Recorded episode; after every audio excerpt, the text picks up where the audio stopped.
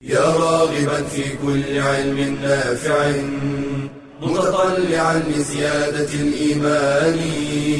وتريد سهلا النوال ميسرا يأتيك ميسورا بأي مكان. زاد زاد أكاديمية ينبوعها. صاف صاف ليروي غلة الظمآن. والسيرة العلياء وعطرة الشدى. طيب يفوح لأهل كل زمان. بشرى لنا زاد أكاديمية للعلم كالأزهار في البستان. بسم الله الرحمن الرحيم. الحمد لله رب العالمين. والصلاة والسلام على المبعوث رحمة للعالمين. نبينا محمد وعلى آله وصحبه ومن اهتدى بهديه واستنى بسنته إلى يوم الدين. أما بعد السلام عليكم ورحمة الله وبركاته. في درسنا الثاني لشمائل النبي صلى الله عليه وآله وسلم نتحدث عن صفة وجهه لأن الوجه غالبا هو مكان الحسن والجمال. الوجه هو الذي يتعرف به غالبا على الناس وهو الذي تظهر عليه علامات الفرح أو الترح السعادة أو الحزن الرضا أو الغضب. فهذا الوجه إن تعرفنا عليه كان له الأثر العظيم في التعرف على النبي صلى الله عليه وآله وسلم.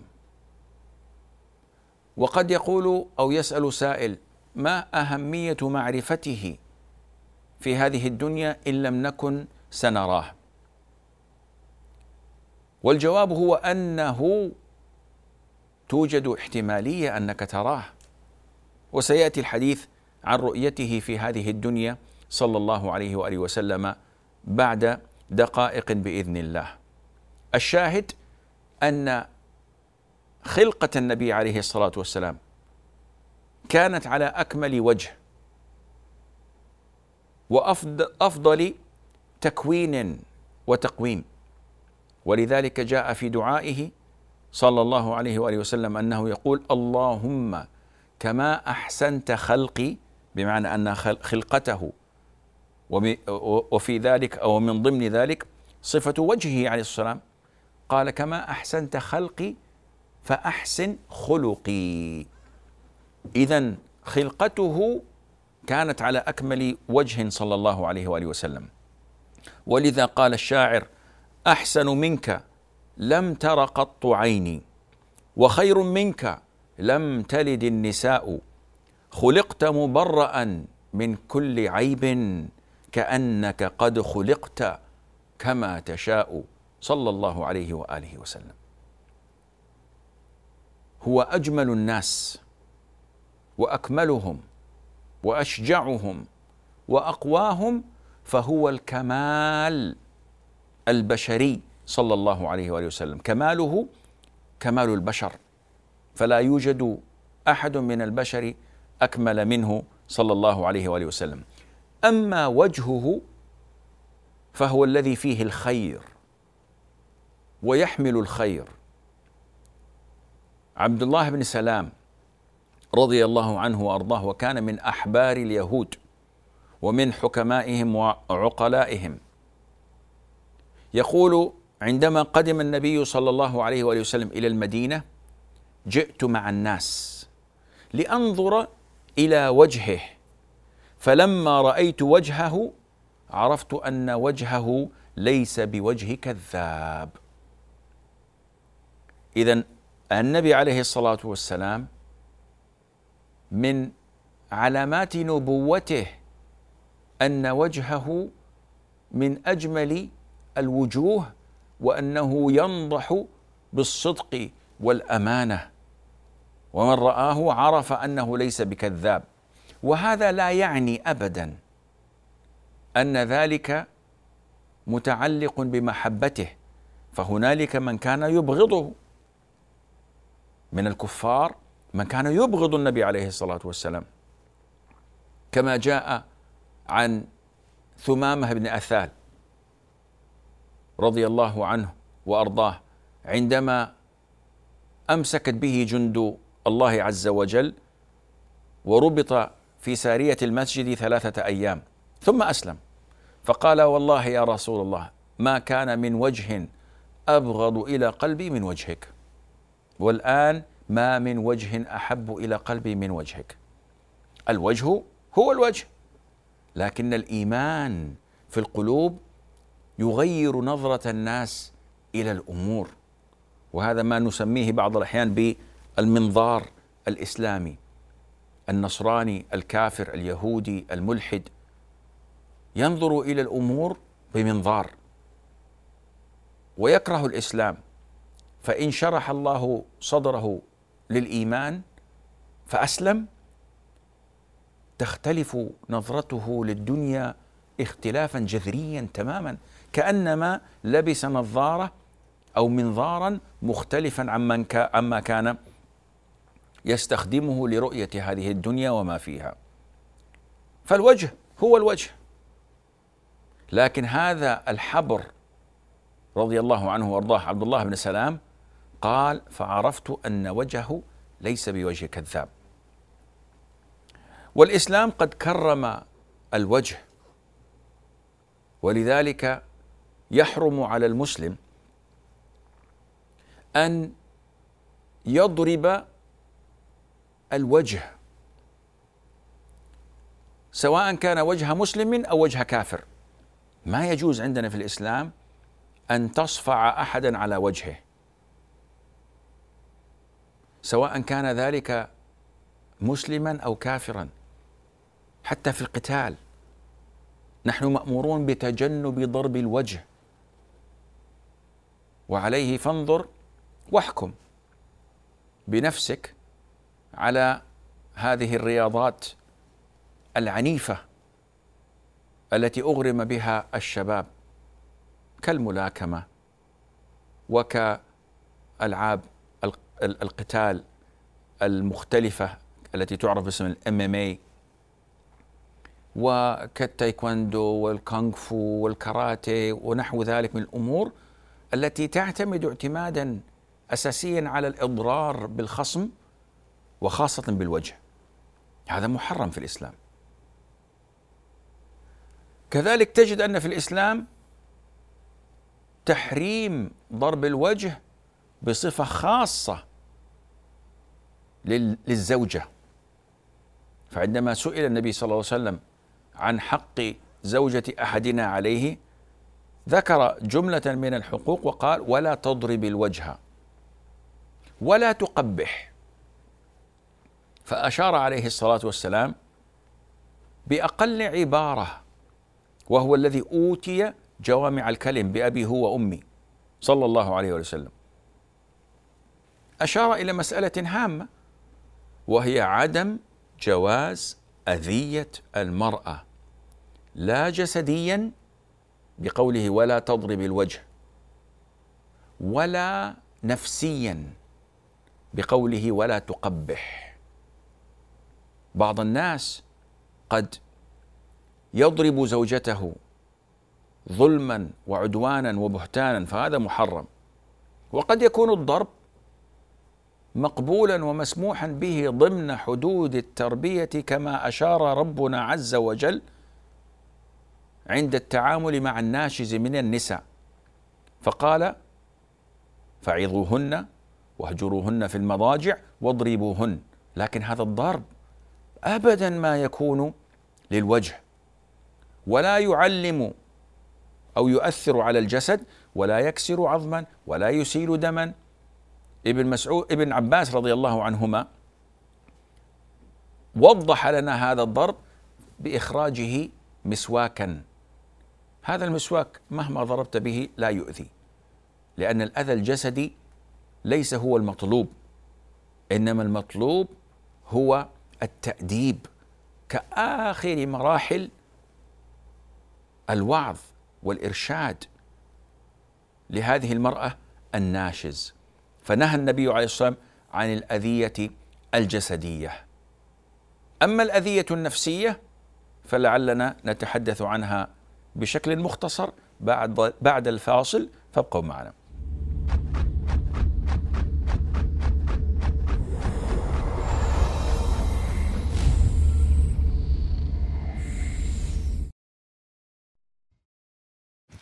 يا أيها النبي قل لأزواجك وبناتك ونساء المؤمنين يدنين عليهن من جلابيبهن.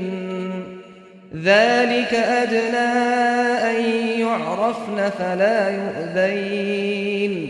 وكان الله غفورا رحيما. الحجاب شعار المؤمنات وزي العفيفات الطاهرات. وتحبيب الفتاة في ارتدائه سهل يسير لكنه يحتاج إلى بضع خطوات منها أن يبدأ الوالدان مع ابنتهما في التزام الحجاب بالتدرج منذ الصغر. فقد تتشكل لديها مع الوقت قناعات خاطئة تصعب معالجتها. أن يغرسا في ابنتهما نبتة المراقبة والخشية ويرسخا في ذهنها أن الله يرضى عن المرأة العفيفة المحتشمة المطيعة لأوامره أن يظهر إعجابهما بالحجاب وذلك بالحديث عنه كثيرا أمامها مع ذكر صفاته ومحاسنه. الحرص على أن تصاحب لبنة الفتيات الصالحات المحجبات فالصحبة الصالحة لها أكبر الأثر في السلوك والأخلاق. أن يمنح الوالد الأم فرصة اصطحاب ابنتها لدروس العلم وحلقات القرآن إذ ينبغي أن تكون محجبة أثناء ذلك مما يعودها ارتداء الحجاب. استخدام الهدية والمكافأة التشجيعية وإعلام الفتاة أن المكافأة الكبرى إنما هي في تحصيل مرضاة الله تعالى.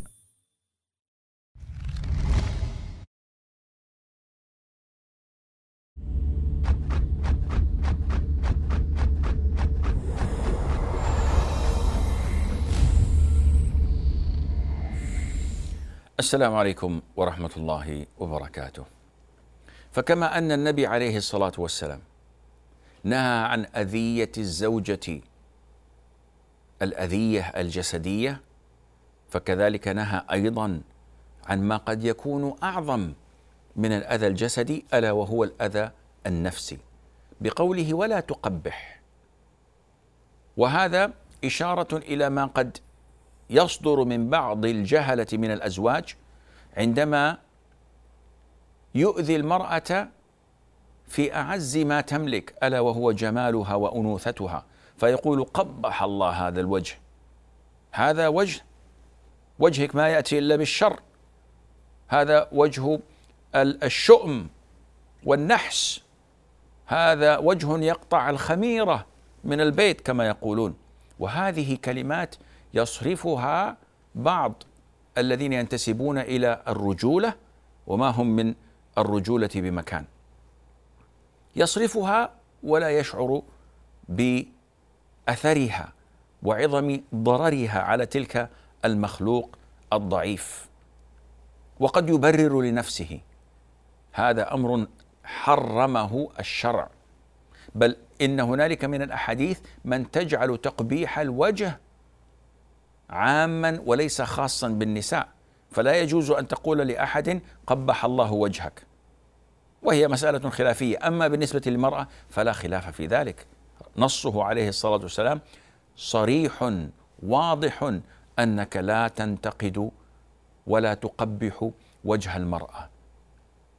والغواني يعجبهن الثناء.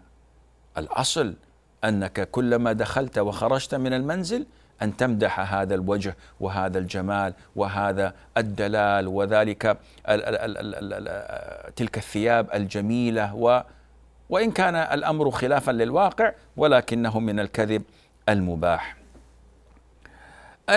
اهميه معرفة شكله عليه الصلاة والسلام صفة وجهه أنه جاء في الصحيح في الحديث المتفق على صحته أنه صلى الله عليه وسلم قال من رآني في المنام فسيراني في اليقظة ولا يتمثل الشيطان بي وفي وفي رواية لكأنما رآني في اليقظة طيب ما معنى هذا الحديث؟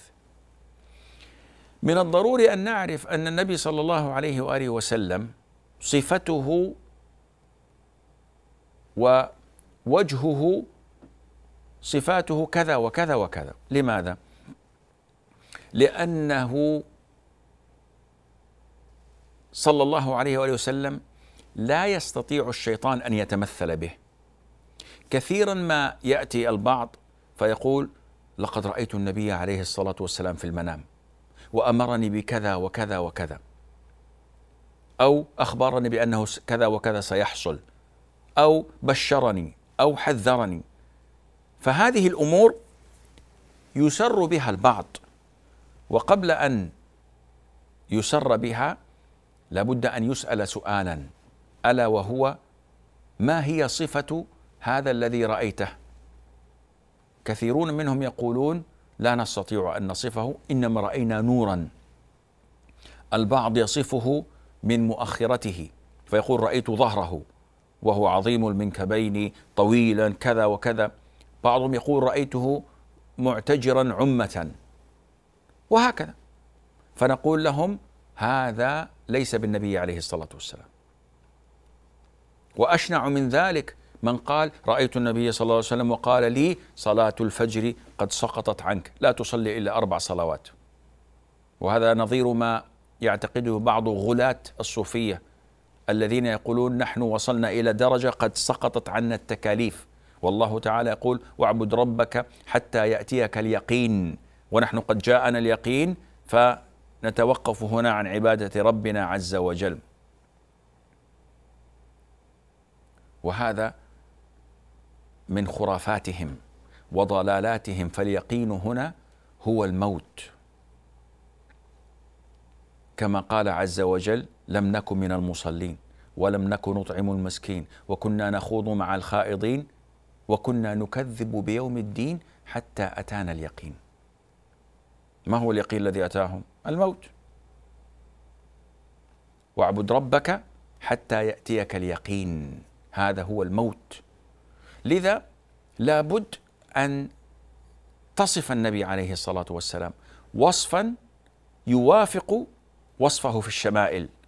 كي نستطيع أن نقول لك نعم أبشر فإن الذي رأيته في منامك كان هو النبي صلى الله عليه وسلم. كان هو النبي صلى الله عليه وآله وسلم. وللعلماء تفسيرات في هذا الحديث. فمنهم من أولها برؤيته في الجنة أن من رآه في المنام على صفته وهيئته وصورته المعروفة فسوف يراه في الجنة وهذه بشارة له من دخوله في الجنة. ومنهم من أولها على أنها في أصحابه عليه الصلاة والسلام.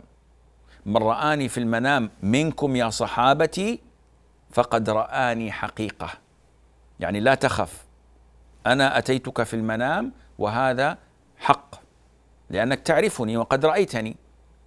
ومنهم من قال سيراني في اليقظة.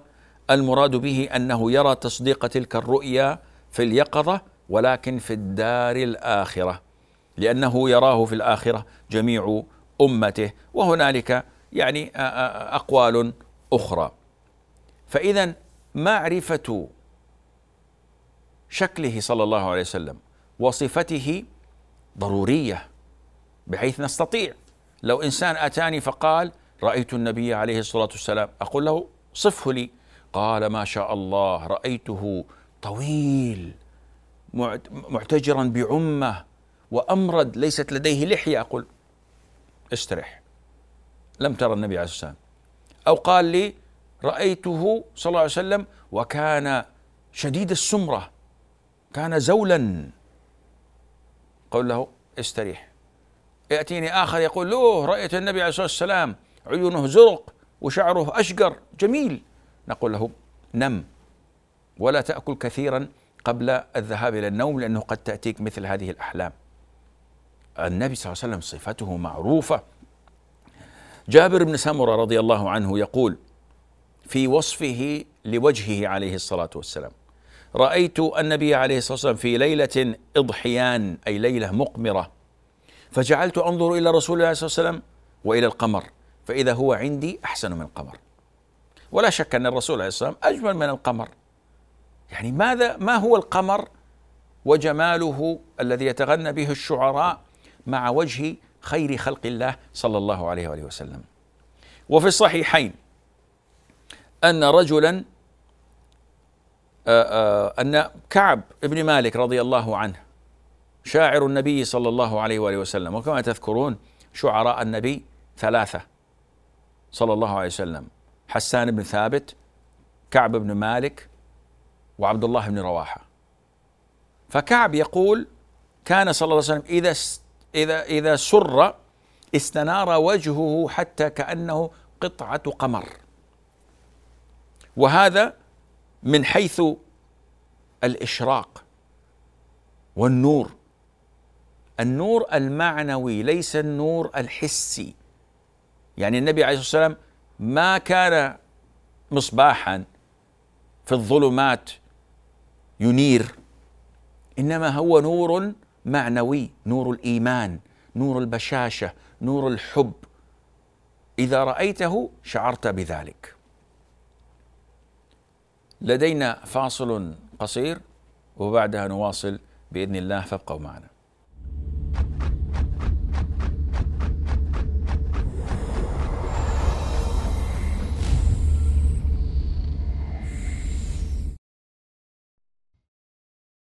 أين أنت من العلم؟ وقد قال النبي صلى الله عليه وسلم طلب العلم فريضة على كل مسلم فهناك مقدار من العلم يجب أن يتعلمه المتخصص وغير المتخصص فعلى كل مسلم أن يتعلم ما تصح به عقيدته وعبادته وعلى غير المتخصص أن يبدأ بالكتب الميسرة ثم يتدرج. ففي التوحيد مثلا يبدأ بالأصول الثلاثة والواسطية ثم كتاب التوحيد ثم الطحويه وهكذا سائر العلوم.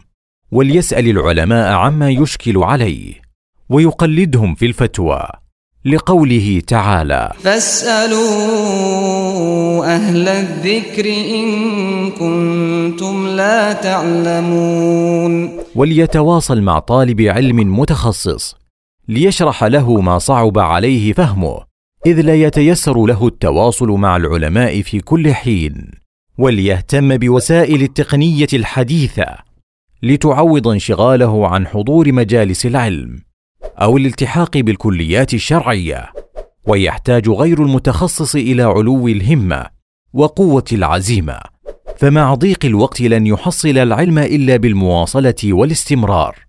وليستفد من تخصصه في إتقان العلم الشرعي. فالطبيب مثلا تسهل عليه مسائل الحمل والجراحات والمهندس تسهل عليه الفرائض لإتقانه الرياضيات وليسخر ذكاءه في فهم دينه وخدمته. قال تعالى وتلك الأمثال نضربها للناس وما يعقلها إلا العالمون.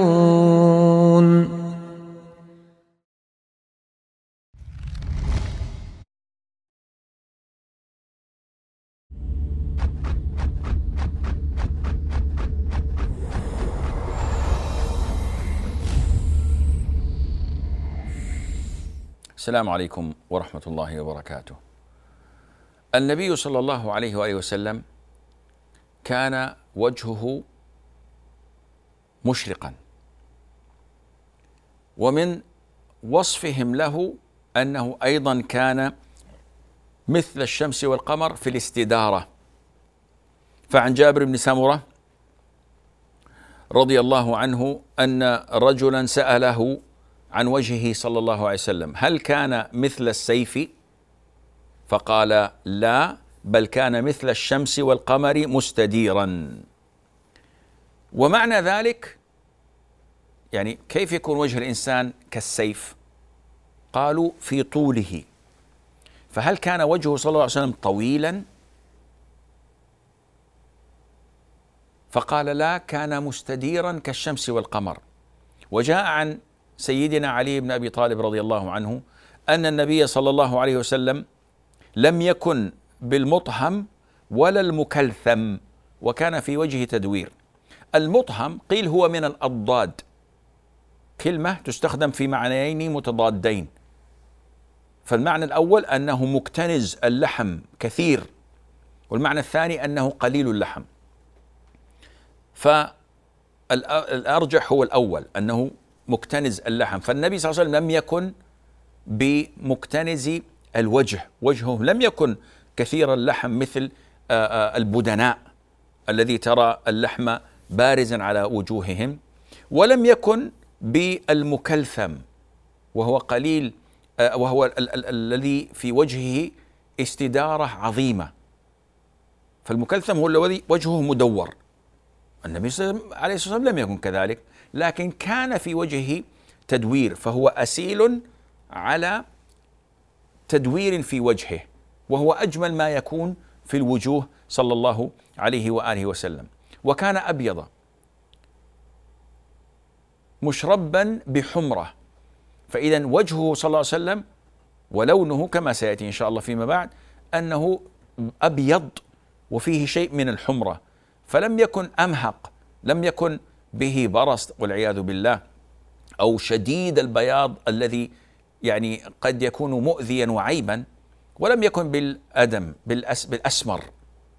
إنما كان أبيض صلى الله عليه وآله وسلم عيونه كبيرة رموشه طويلة جميلة صفته هكذا.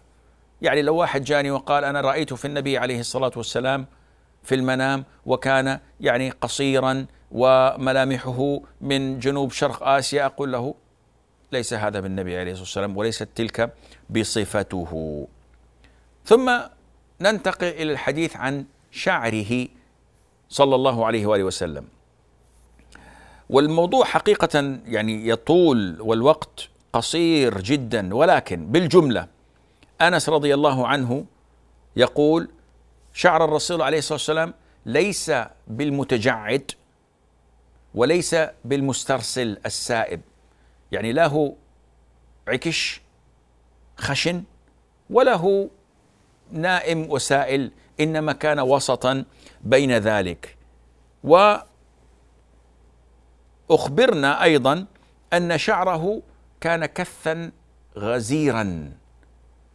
وكان صلى الله عليه وآله وسلم كما جاء في آه، وصفه دون الجمة وفوق الوفرة. بمعنى أن شعره صلى الله عليه وسلم من الجنب يصل إلى شحمة أذنيه ولكن من الخلف يصل إلى أكتافه.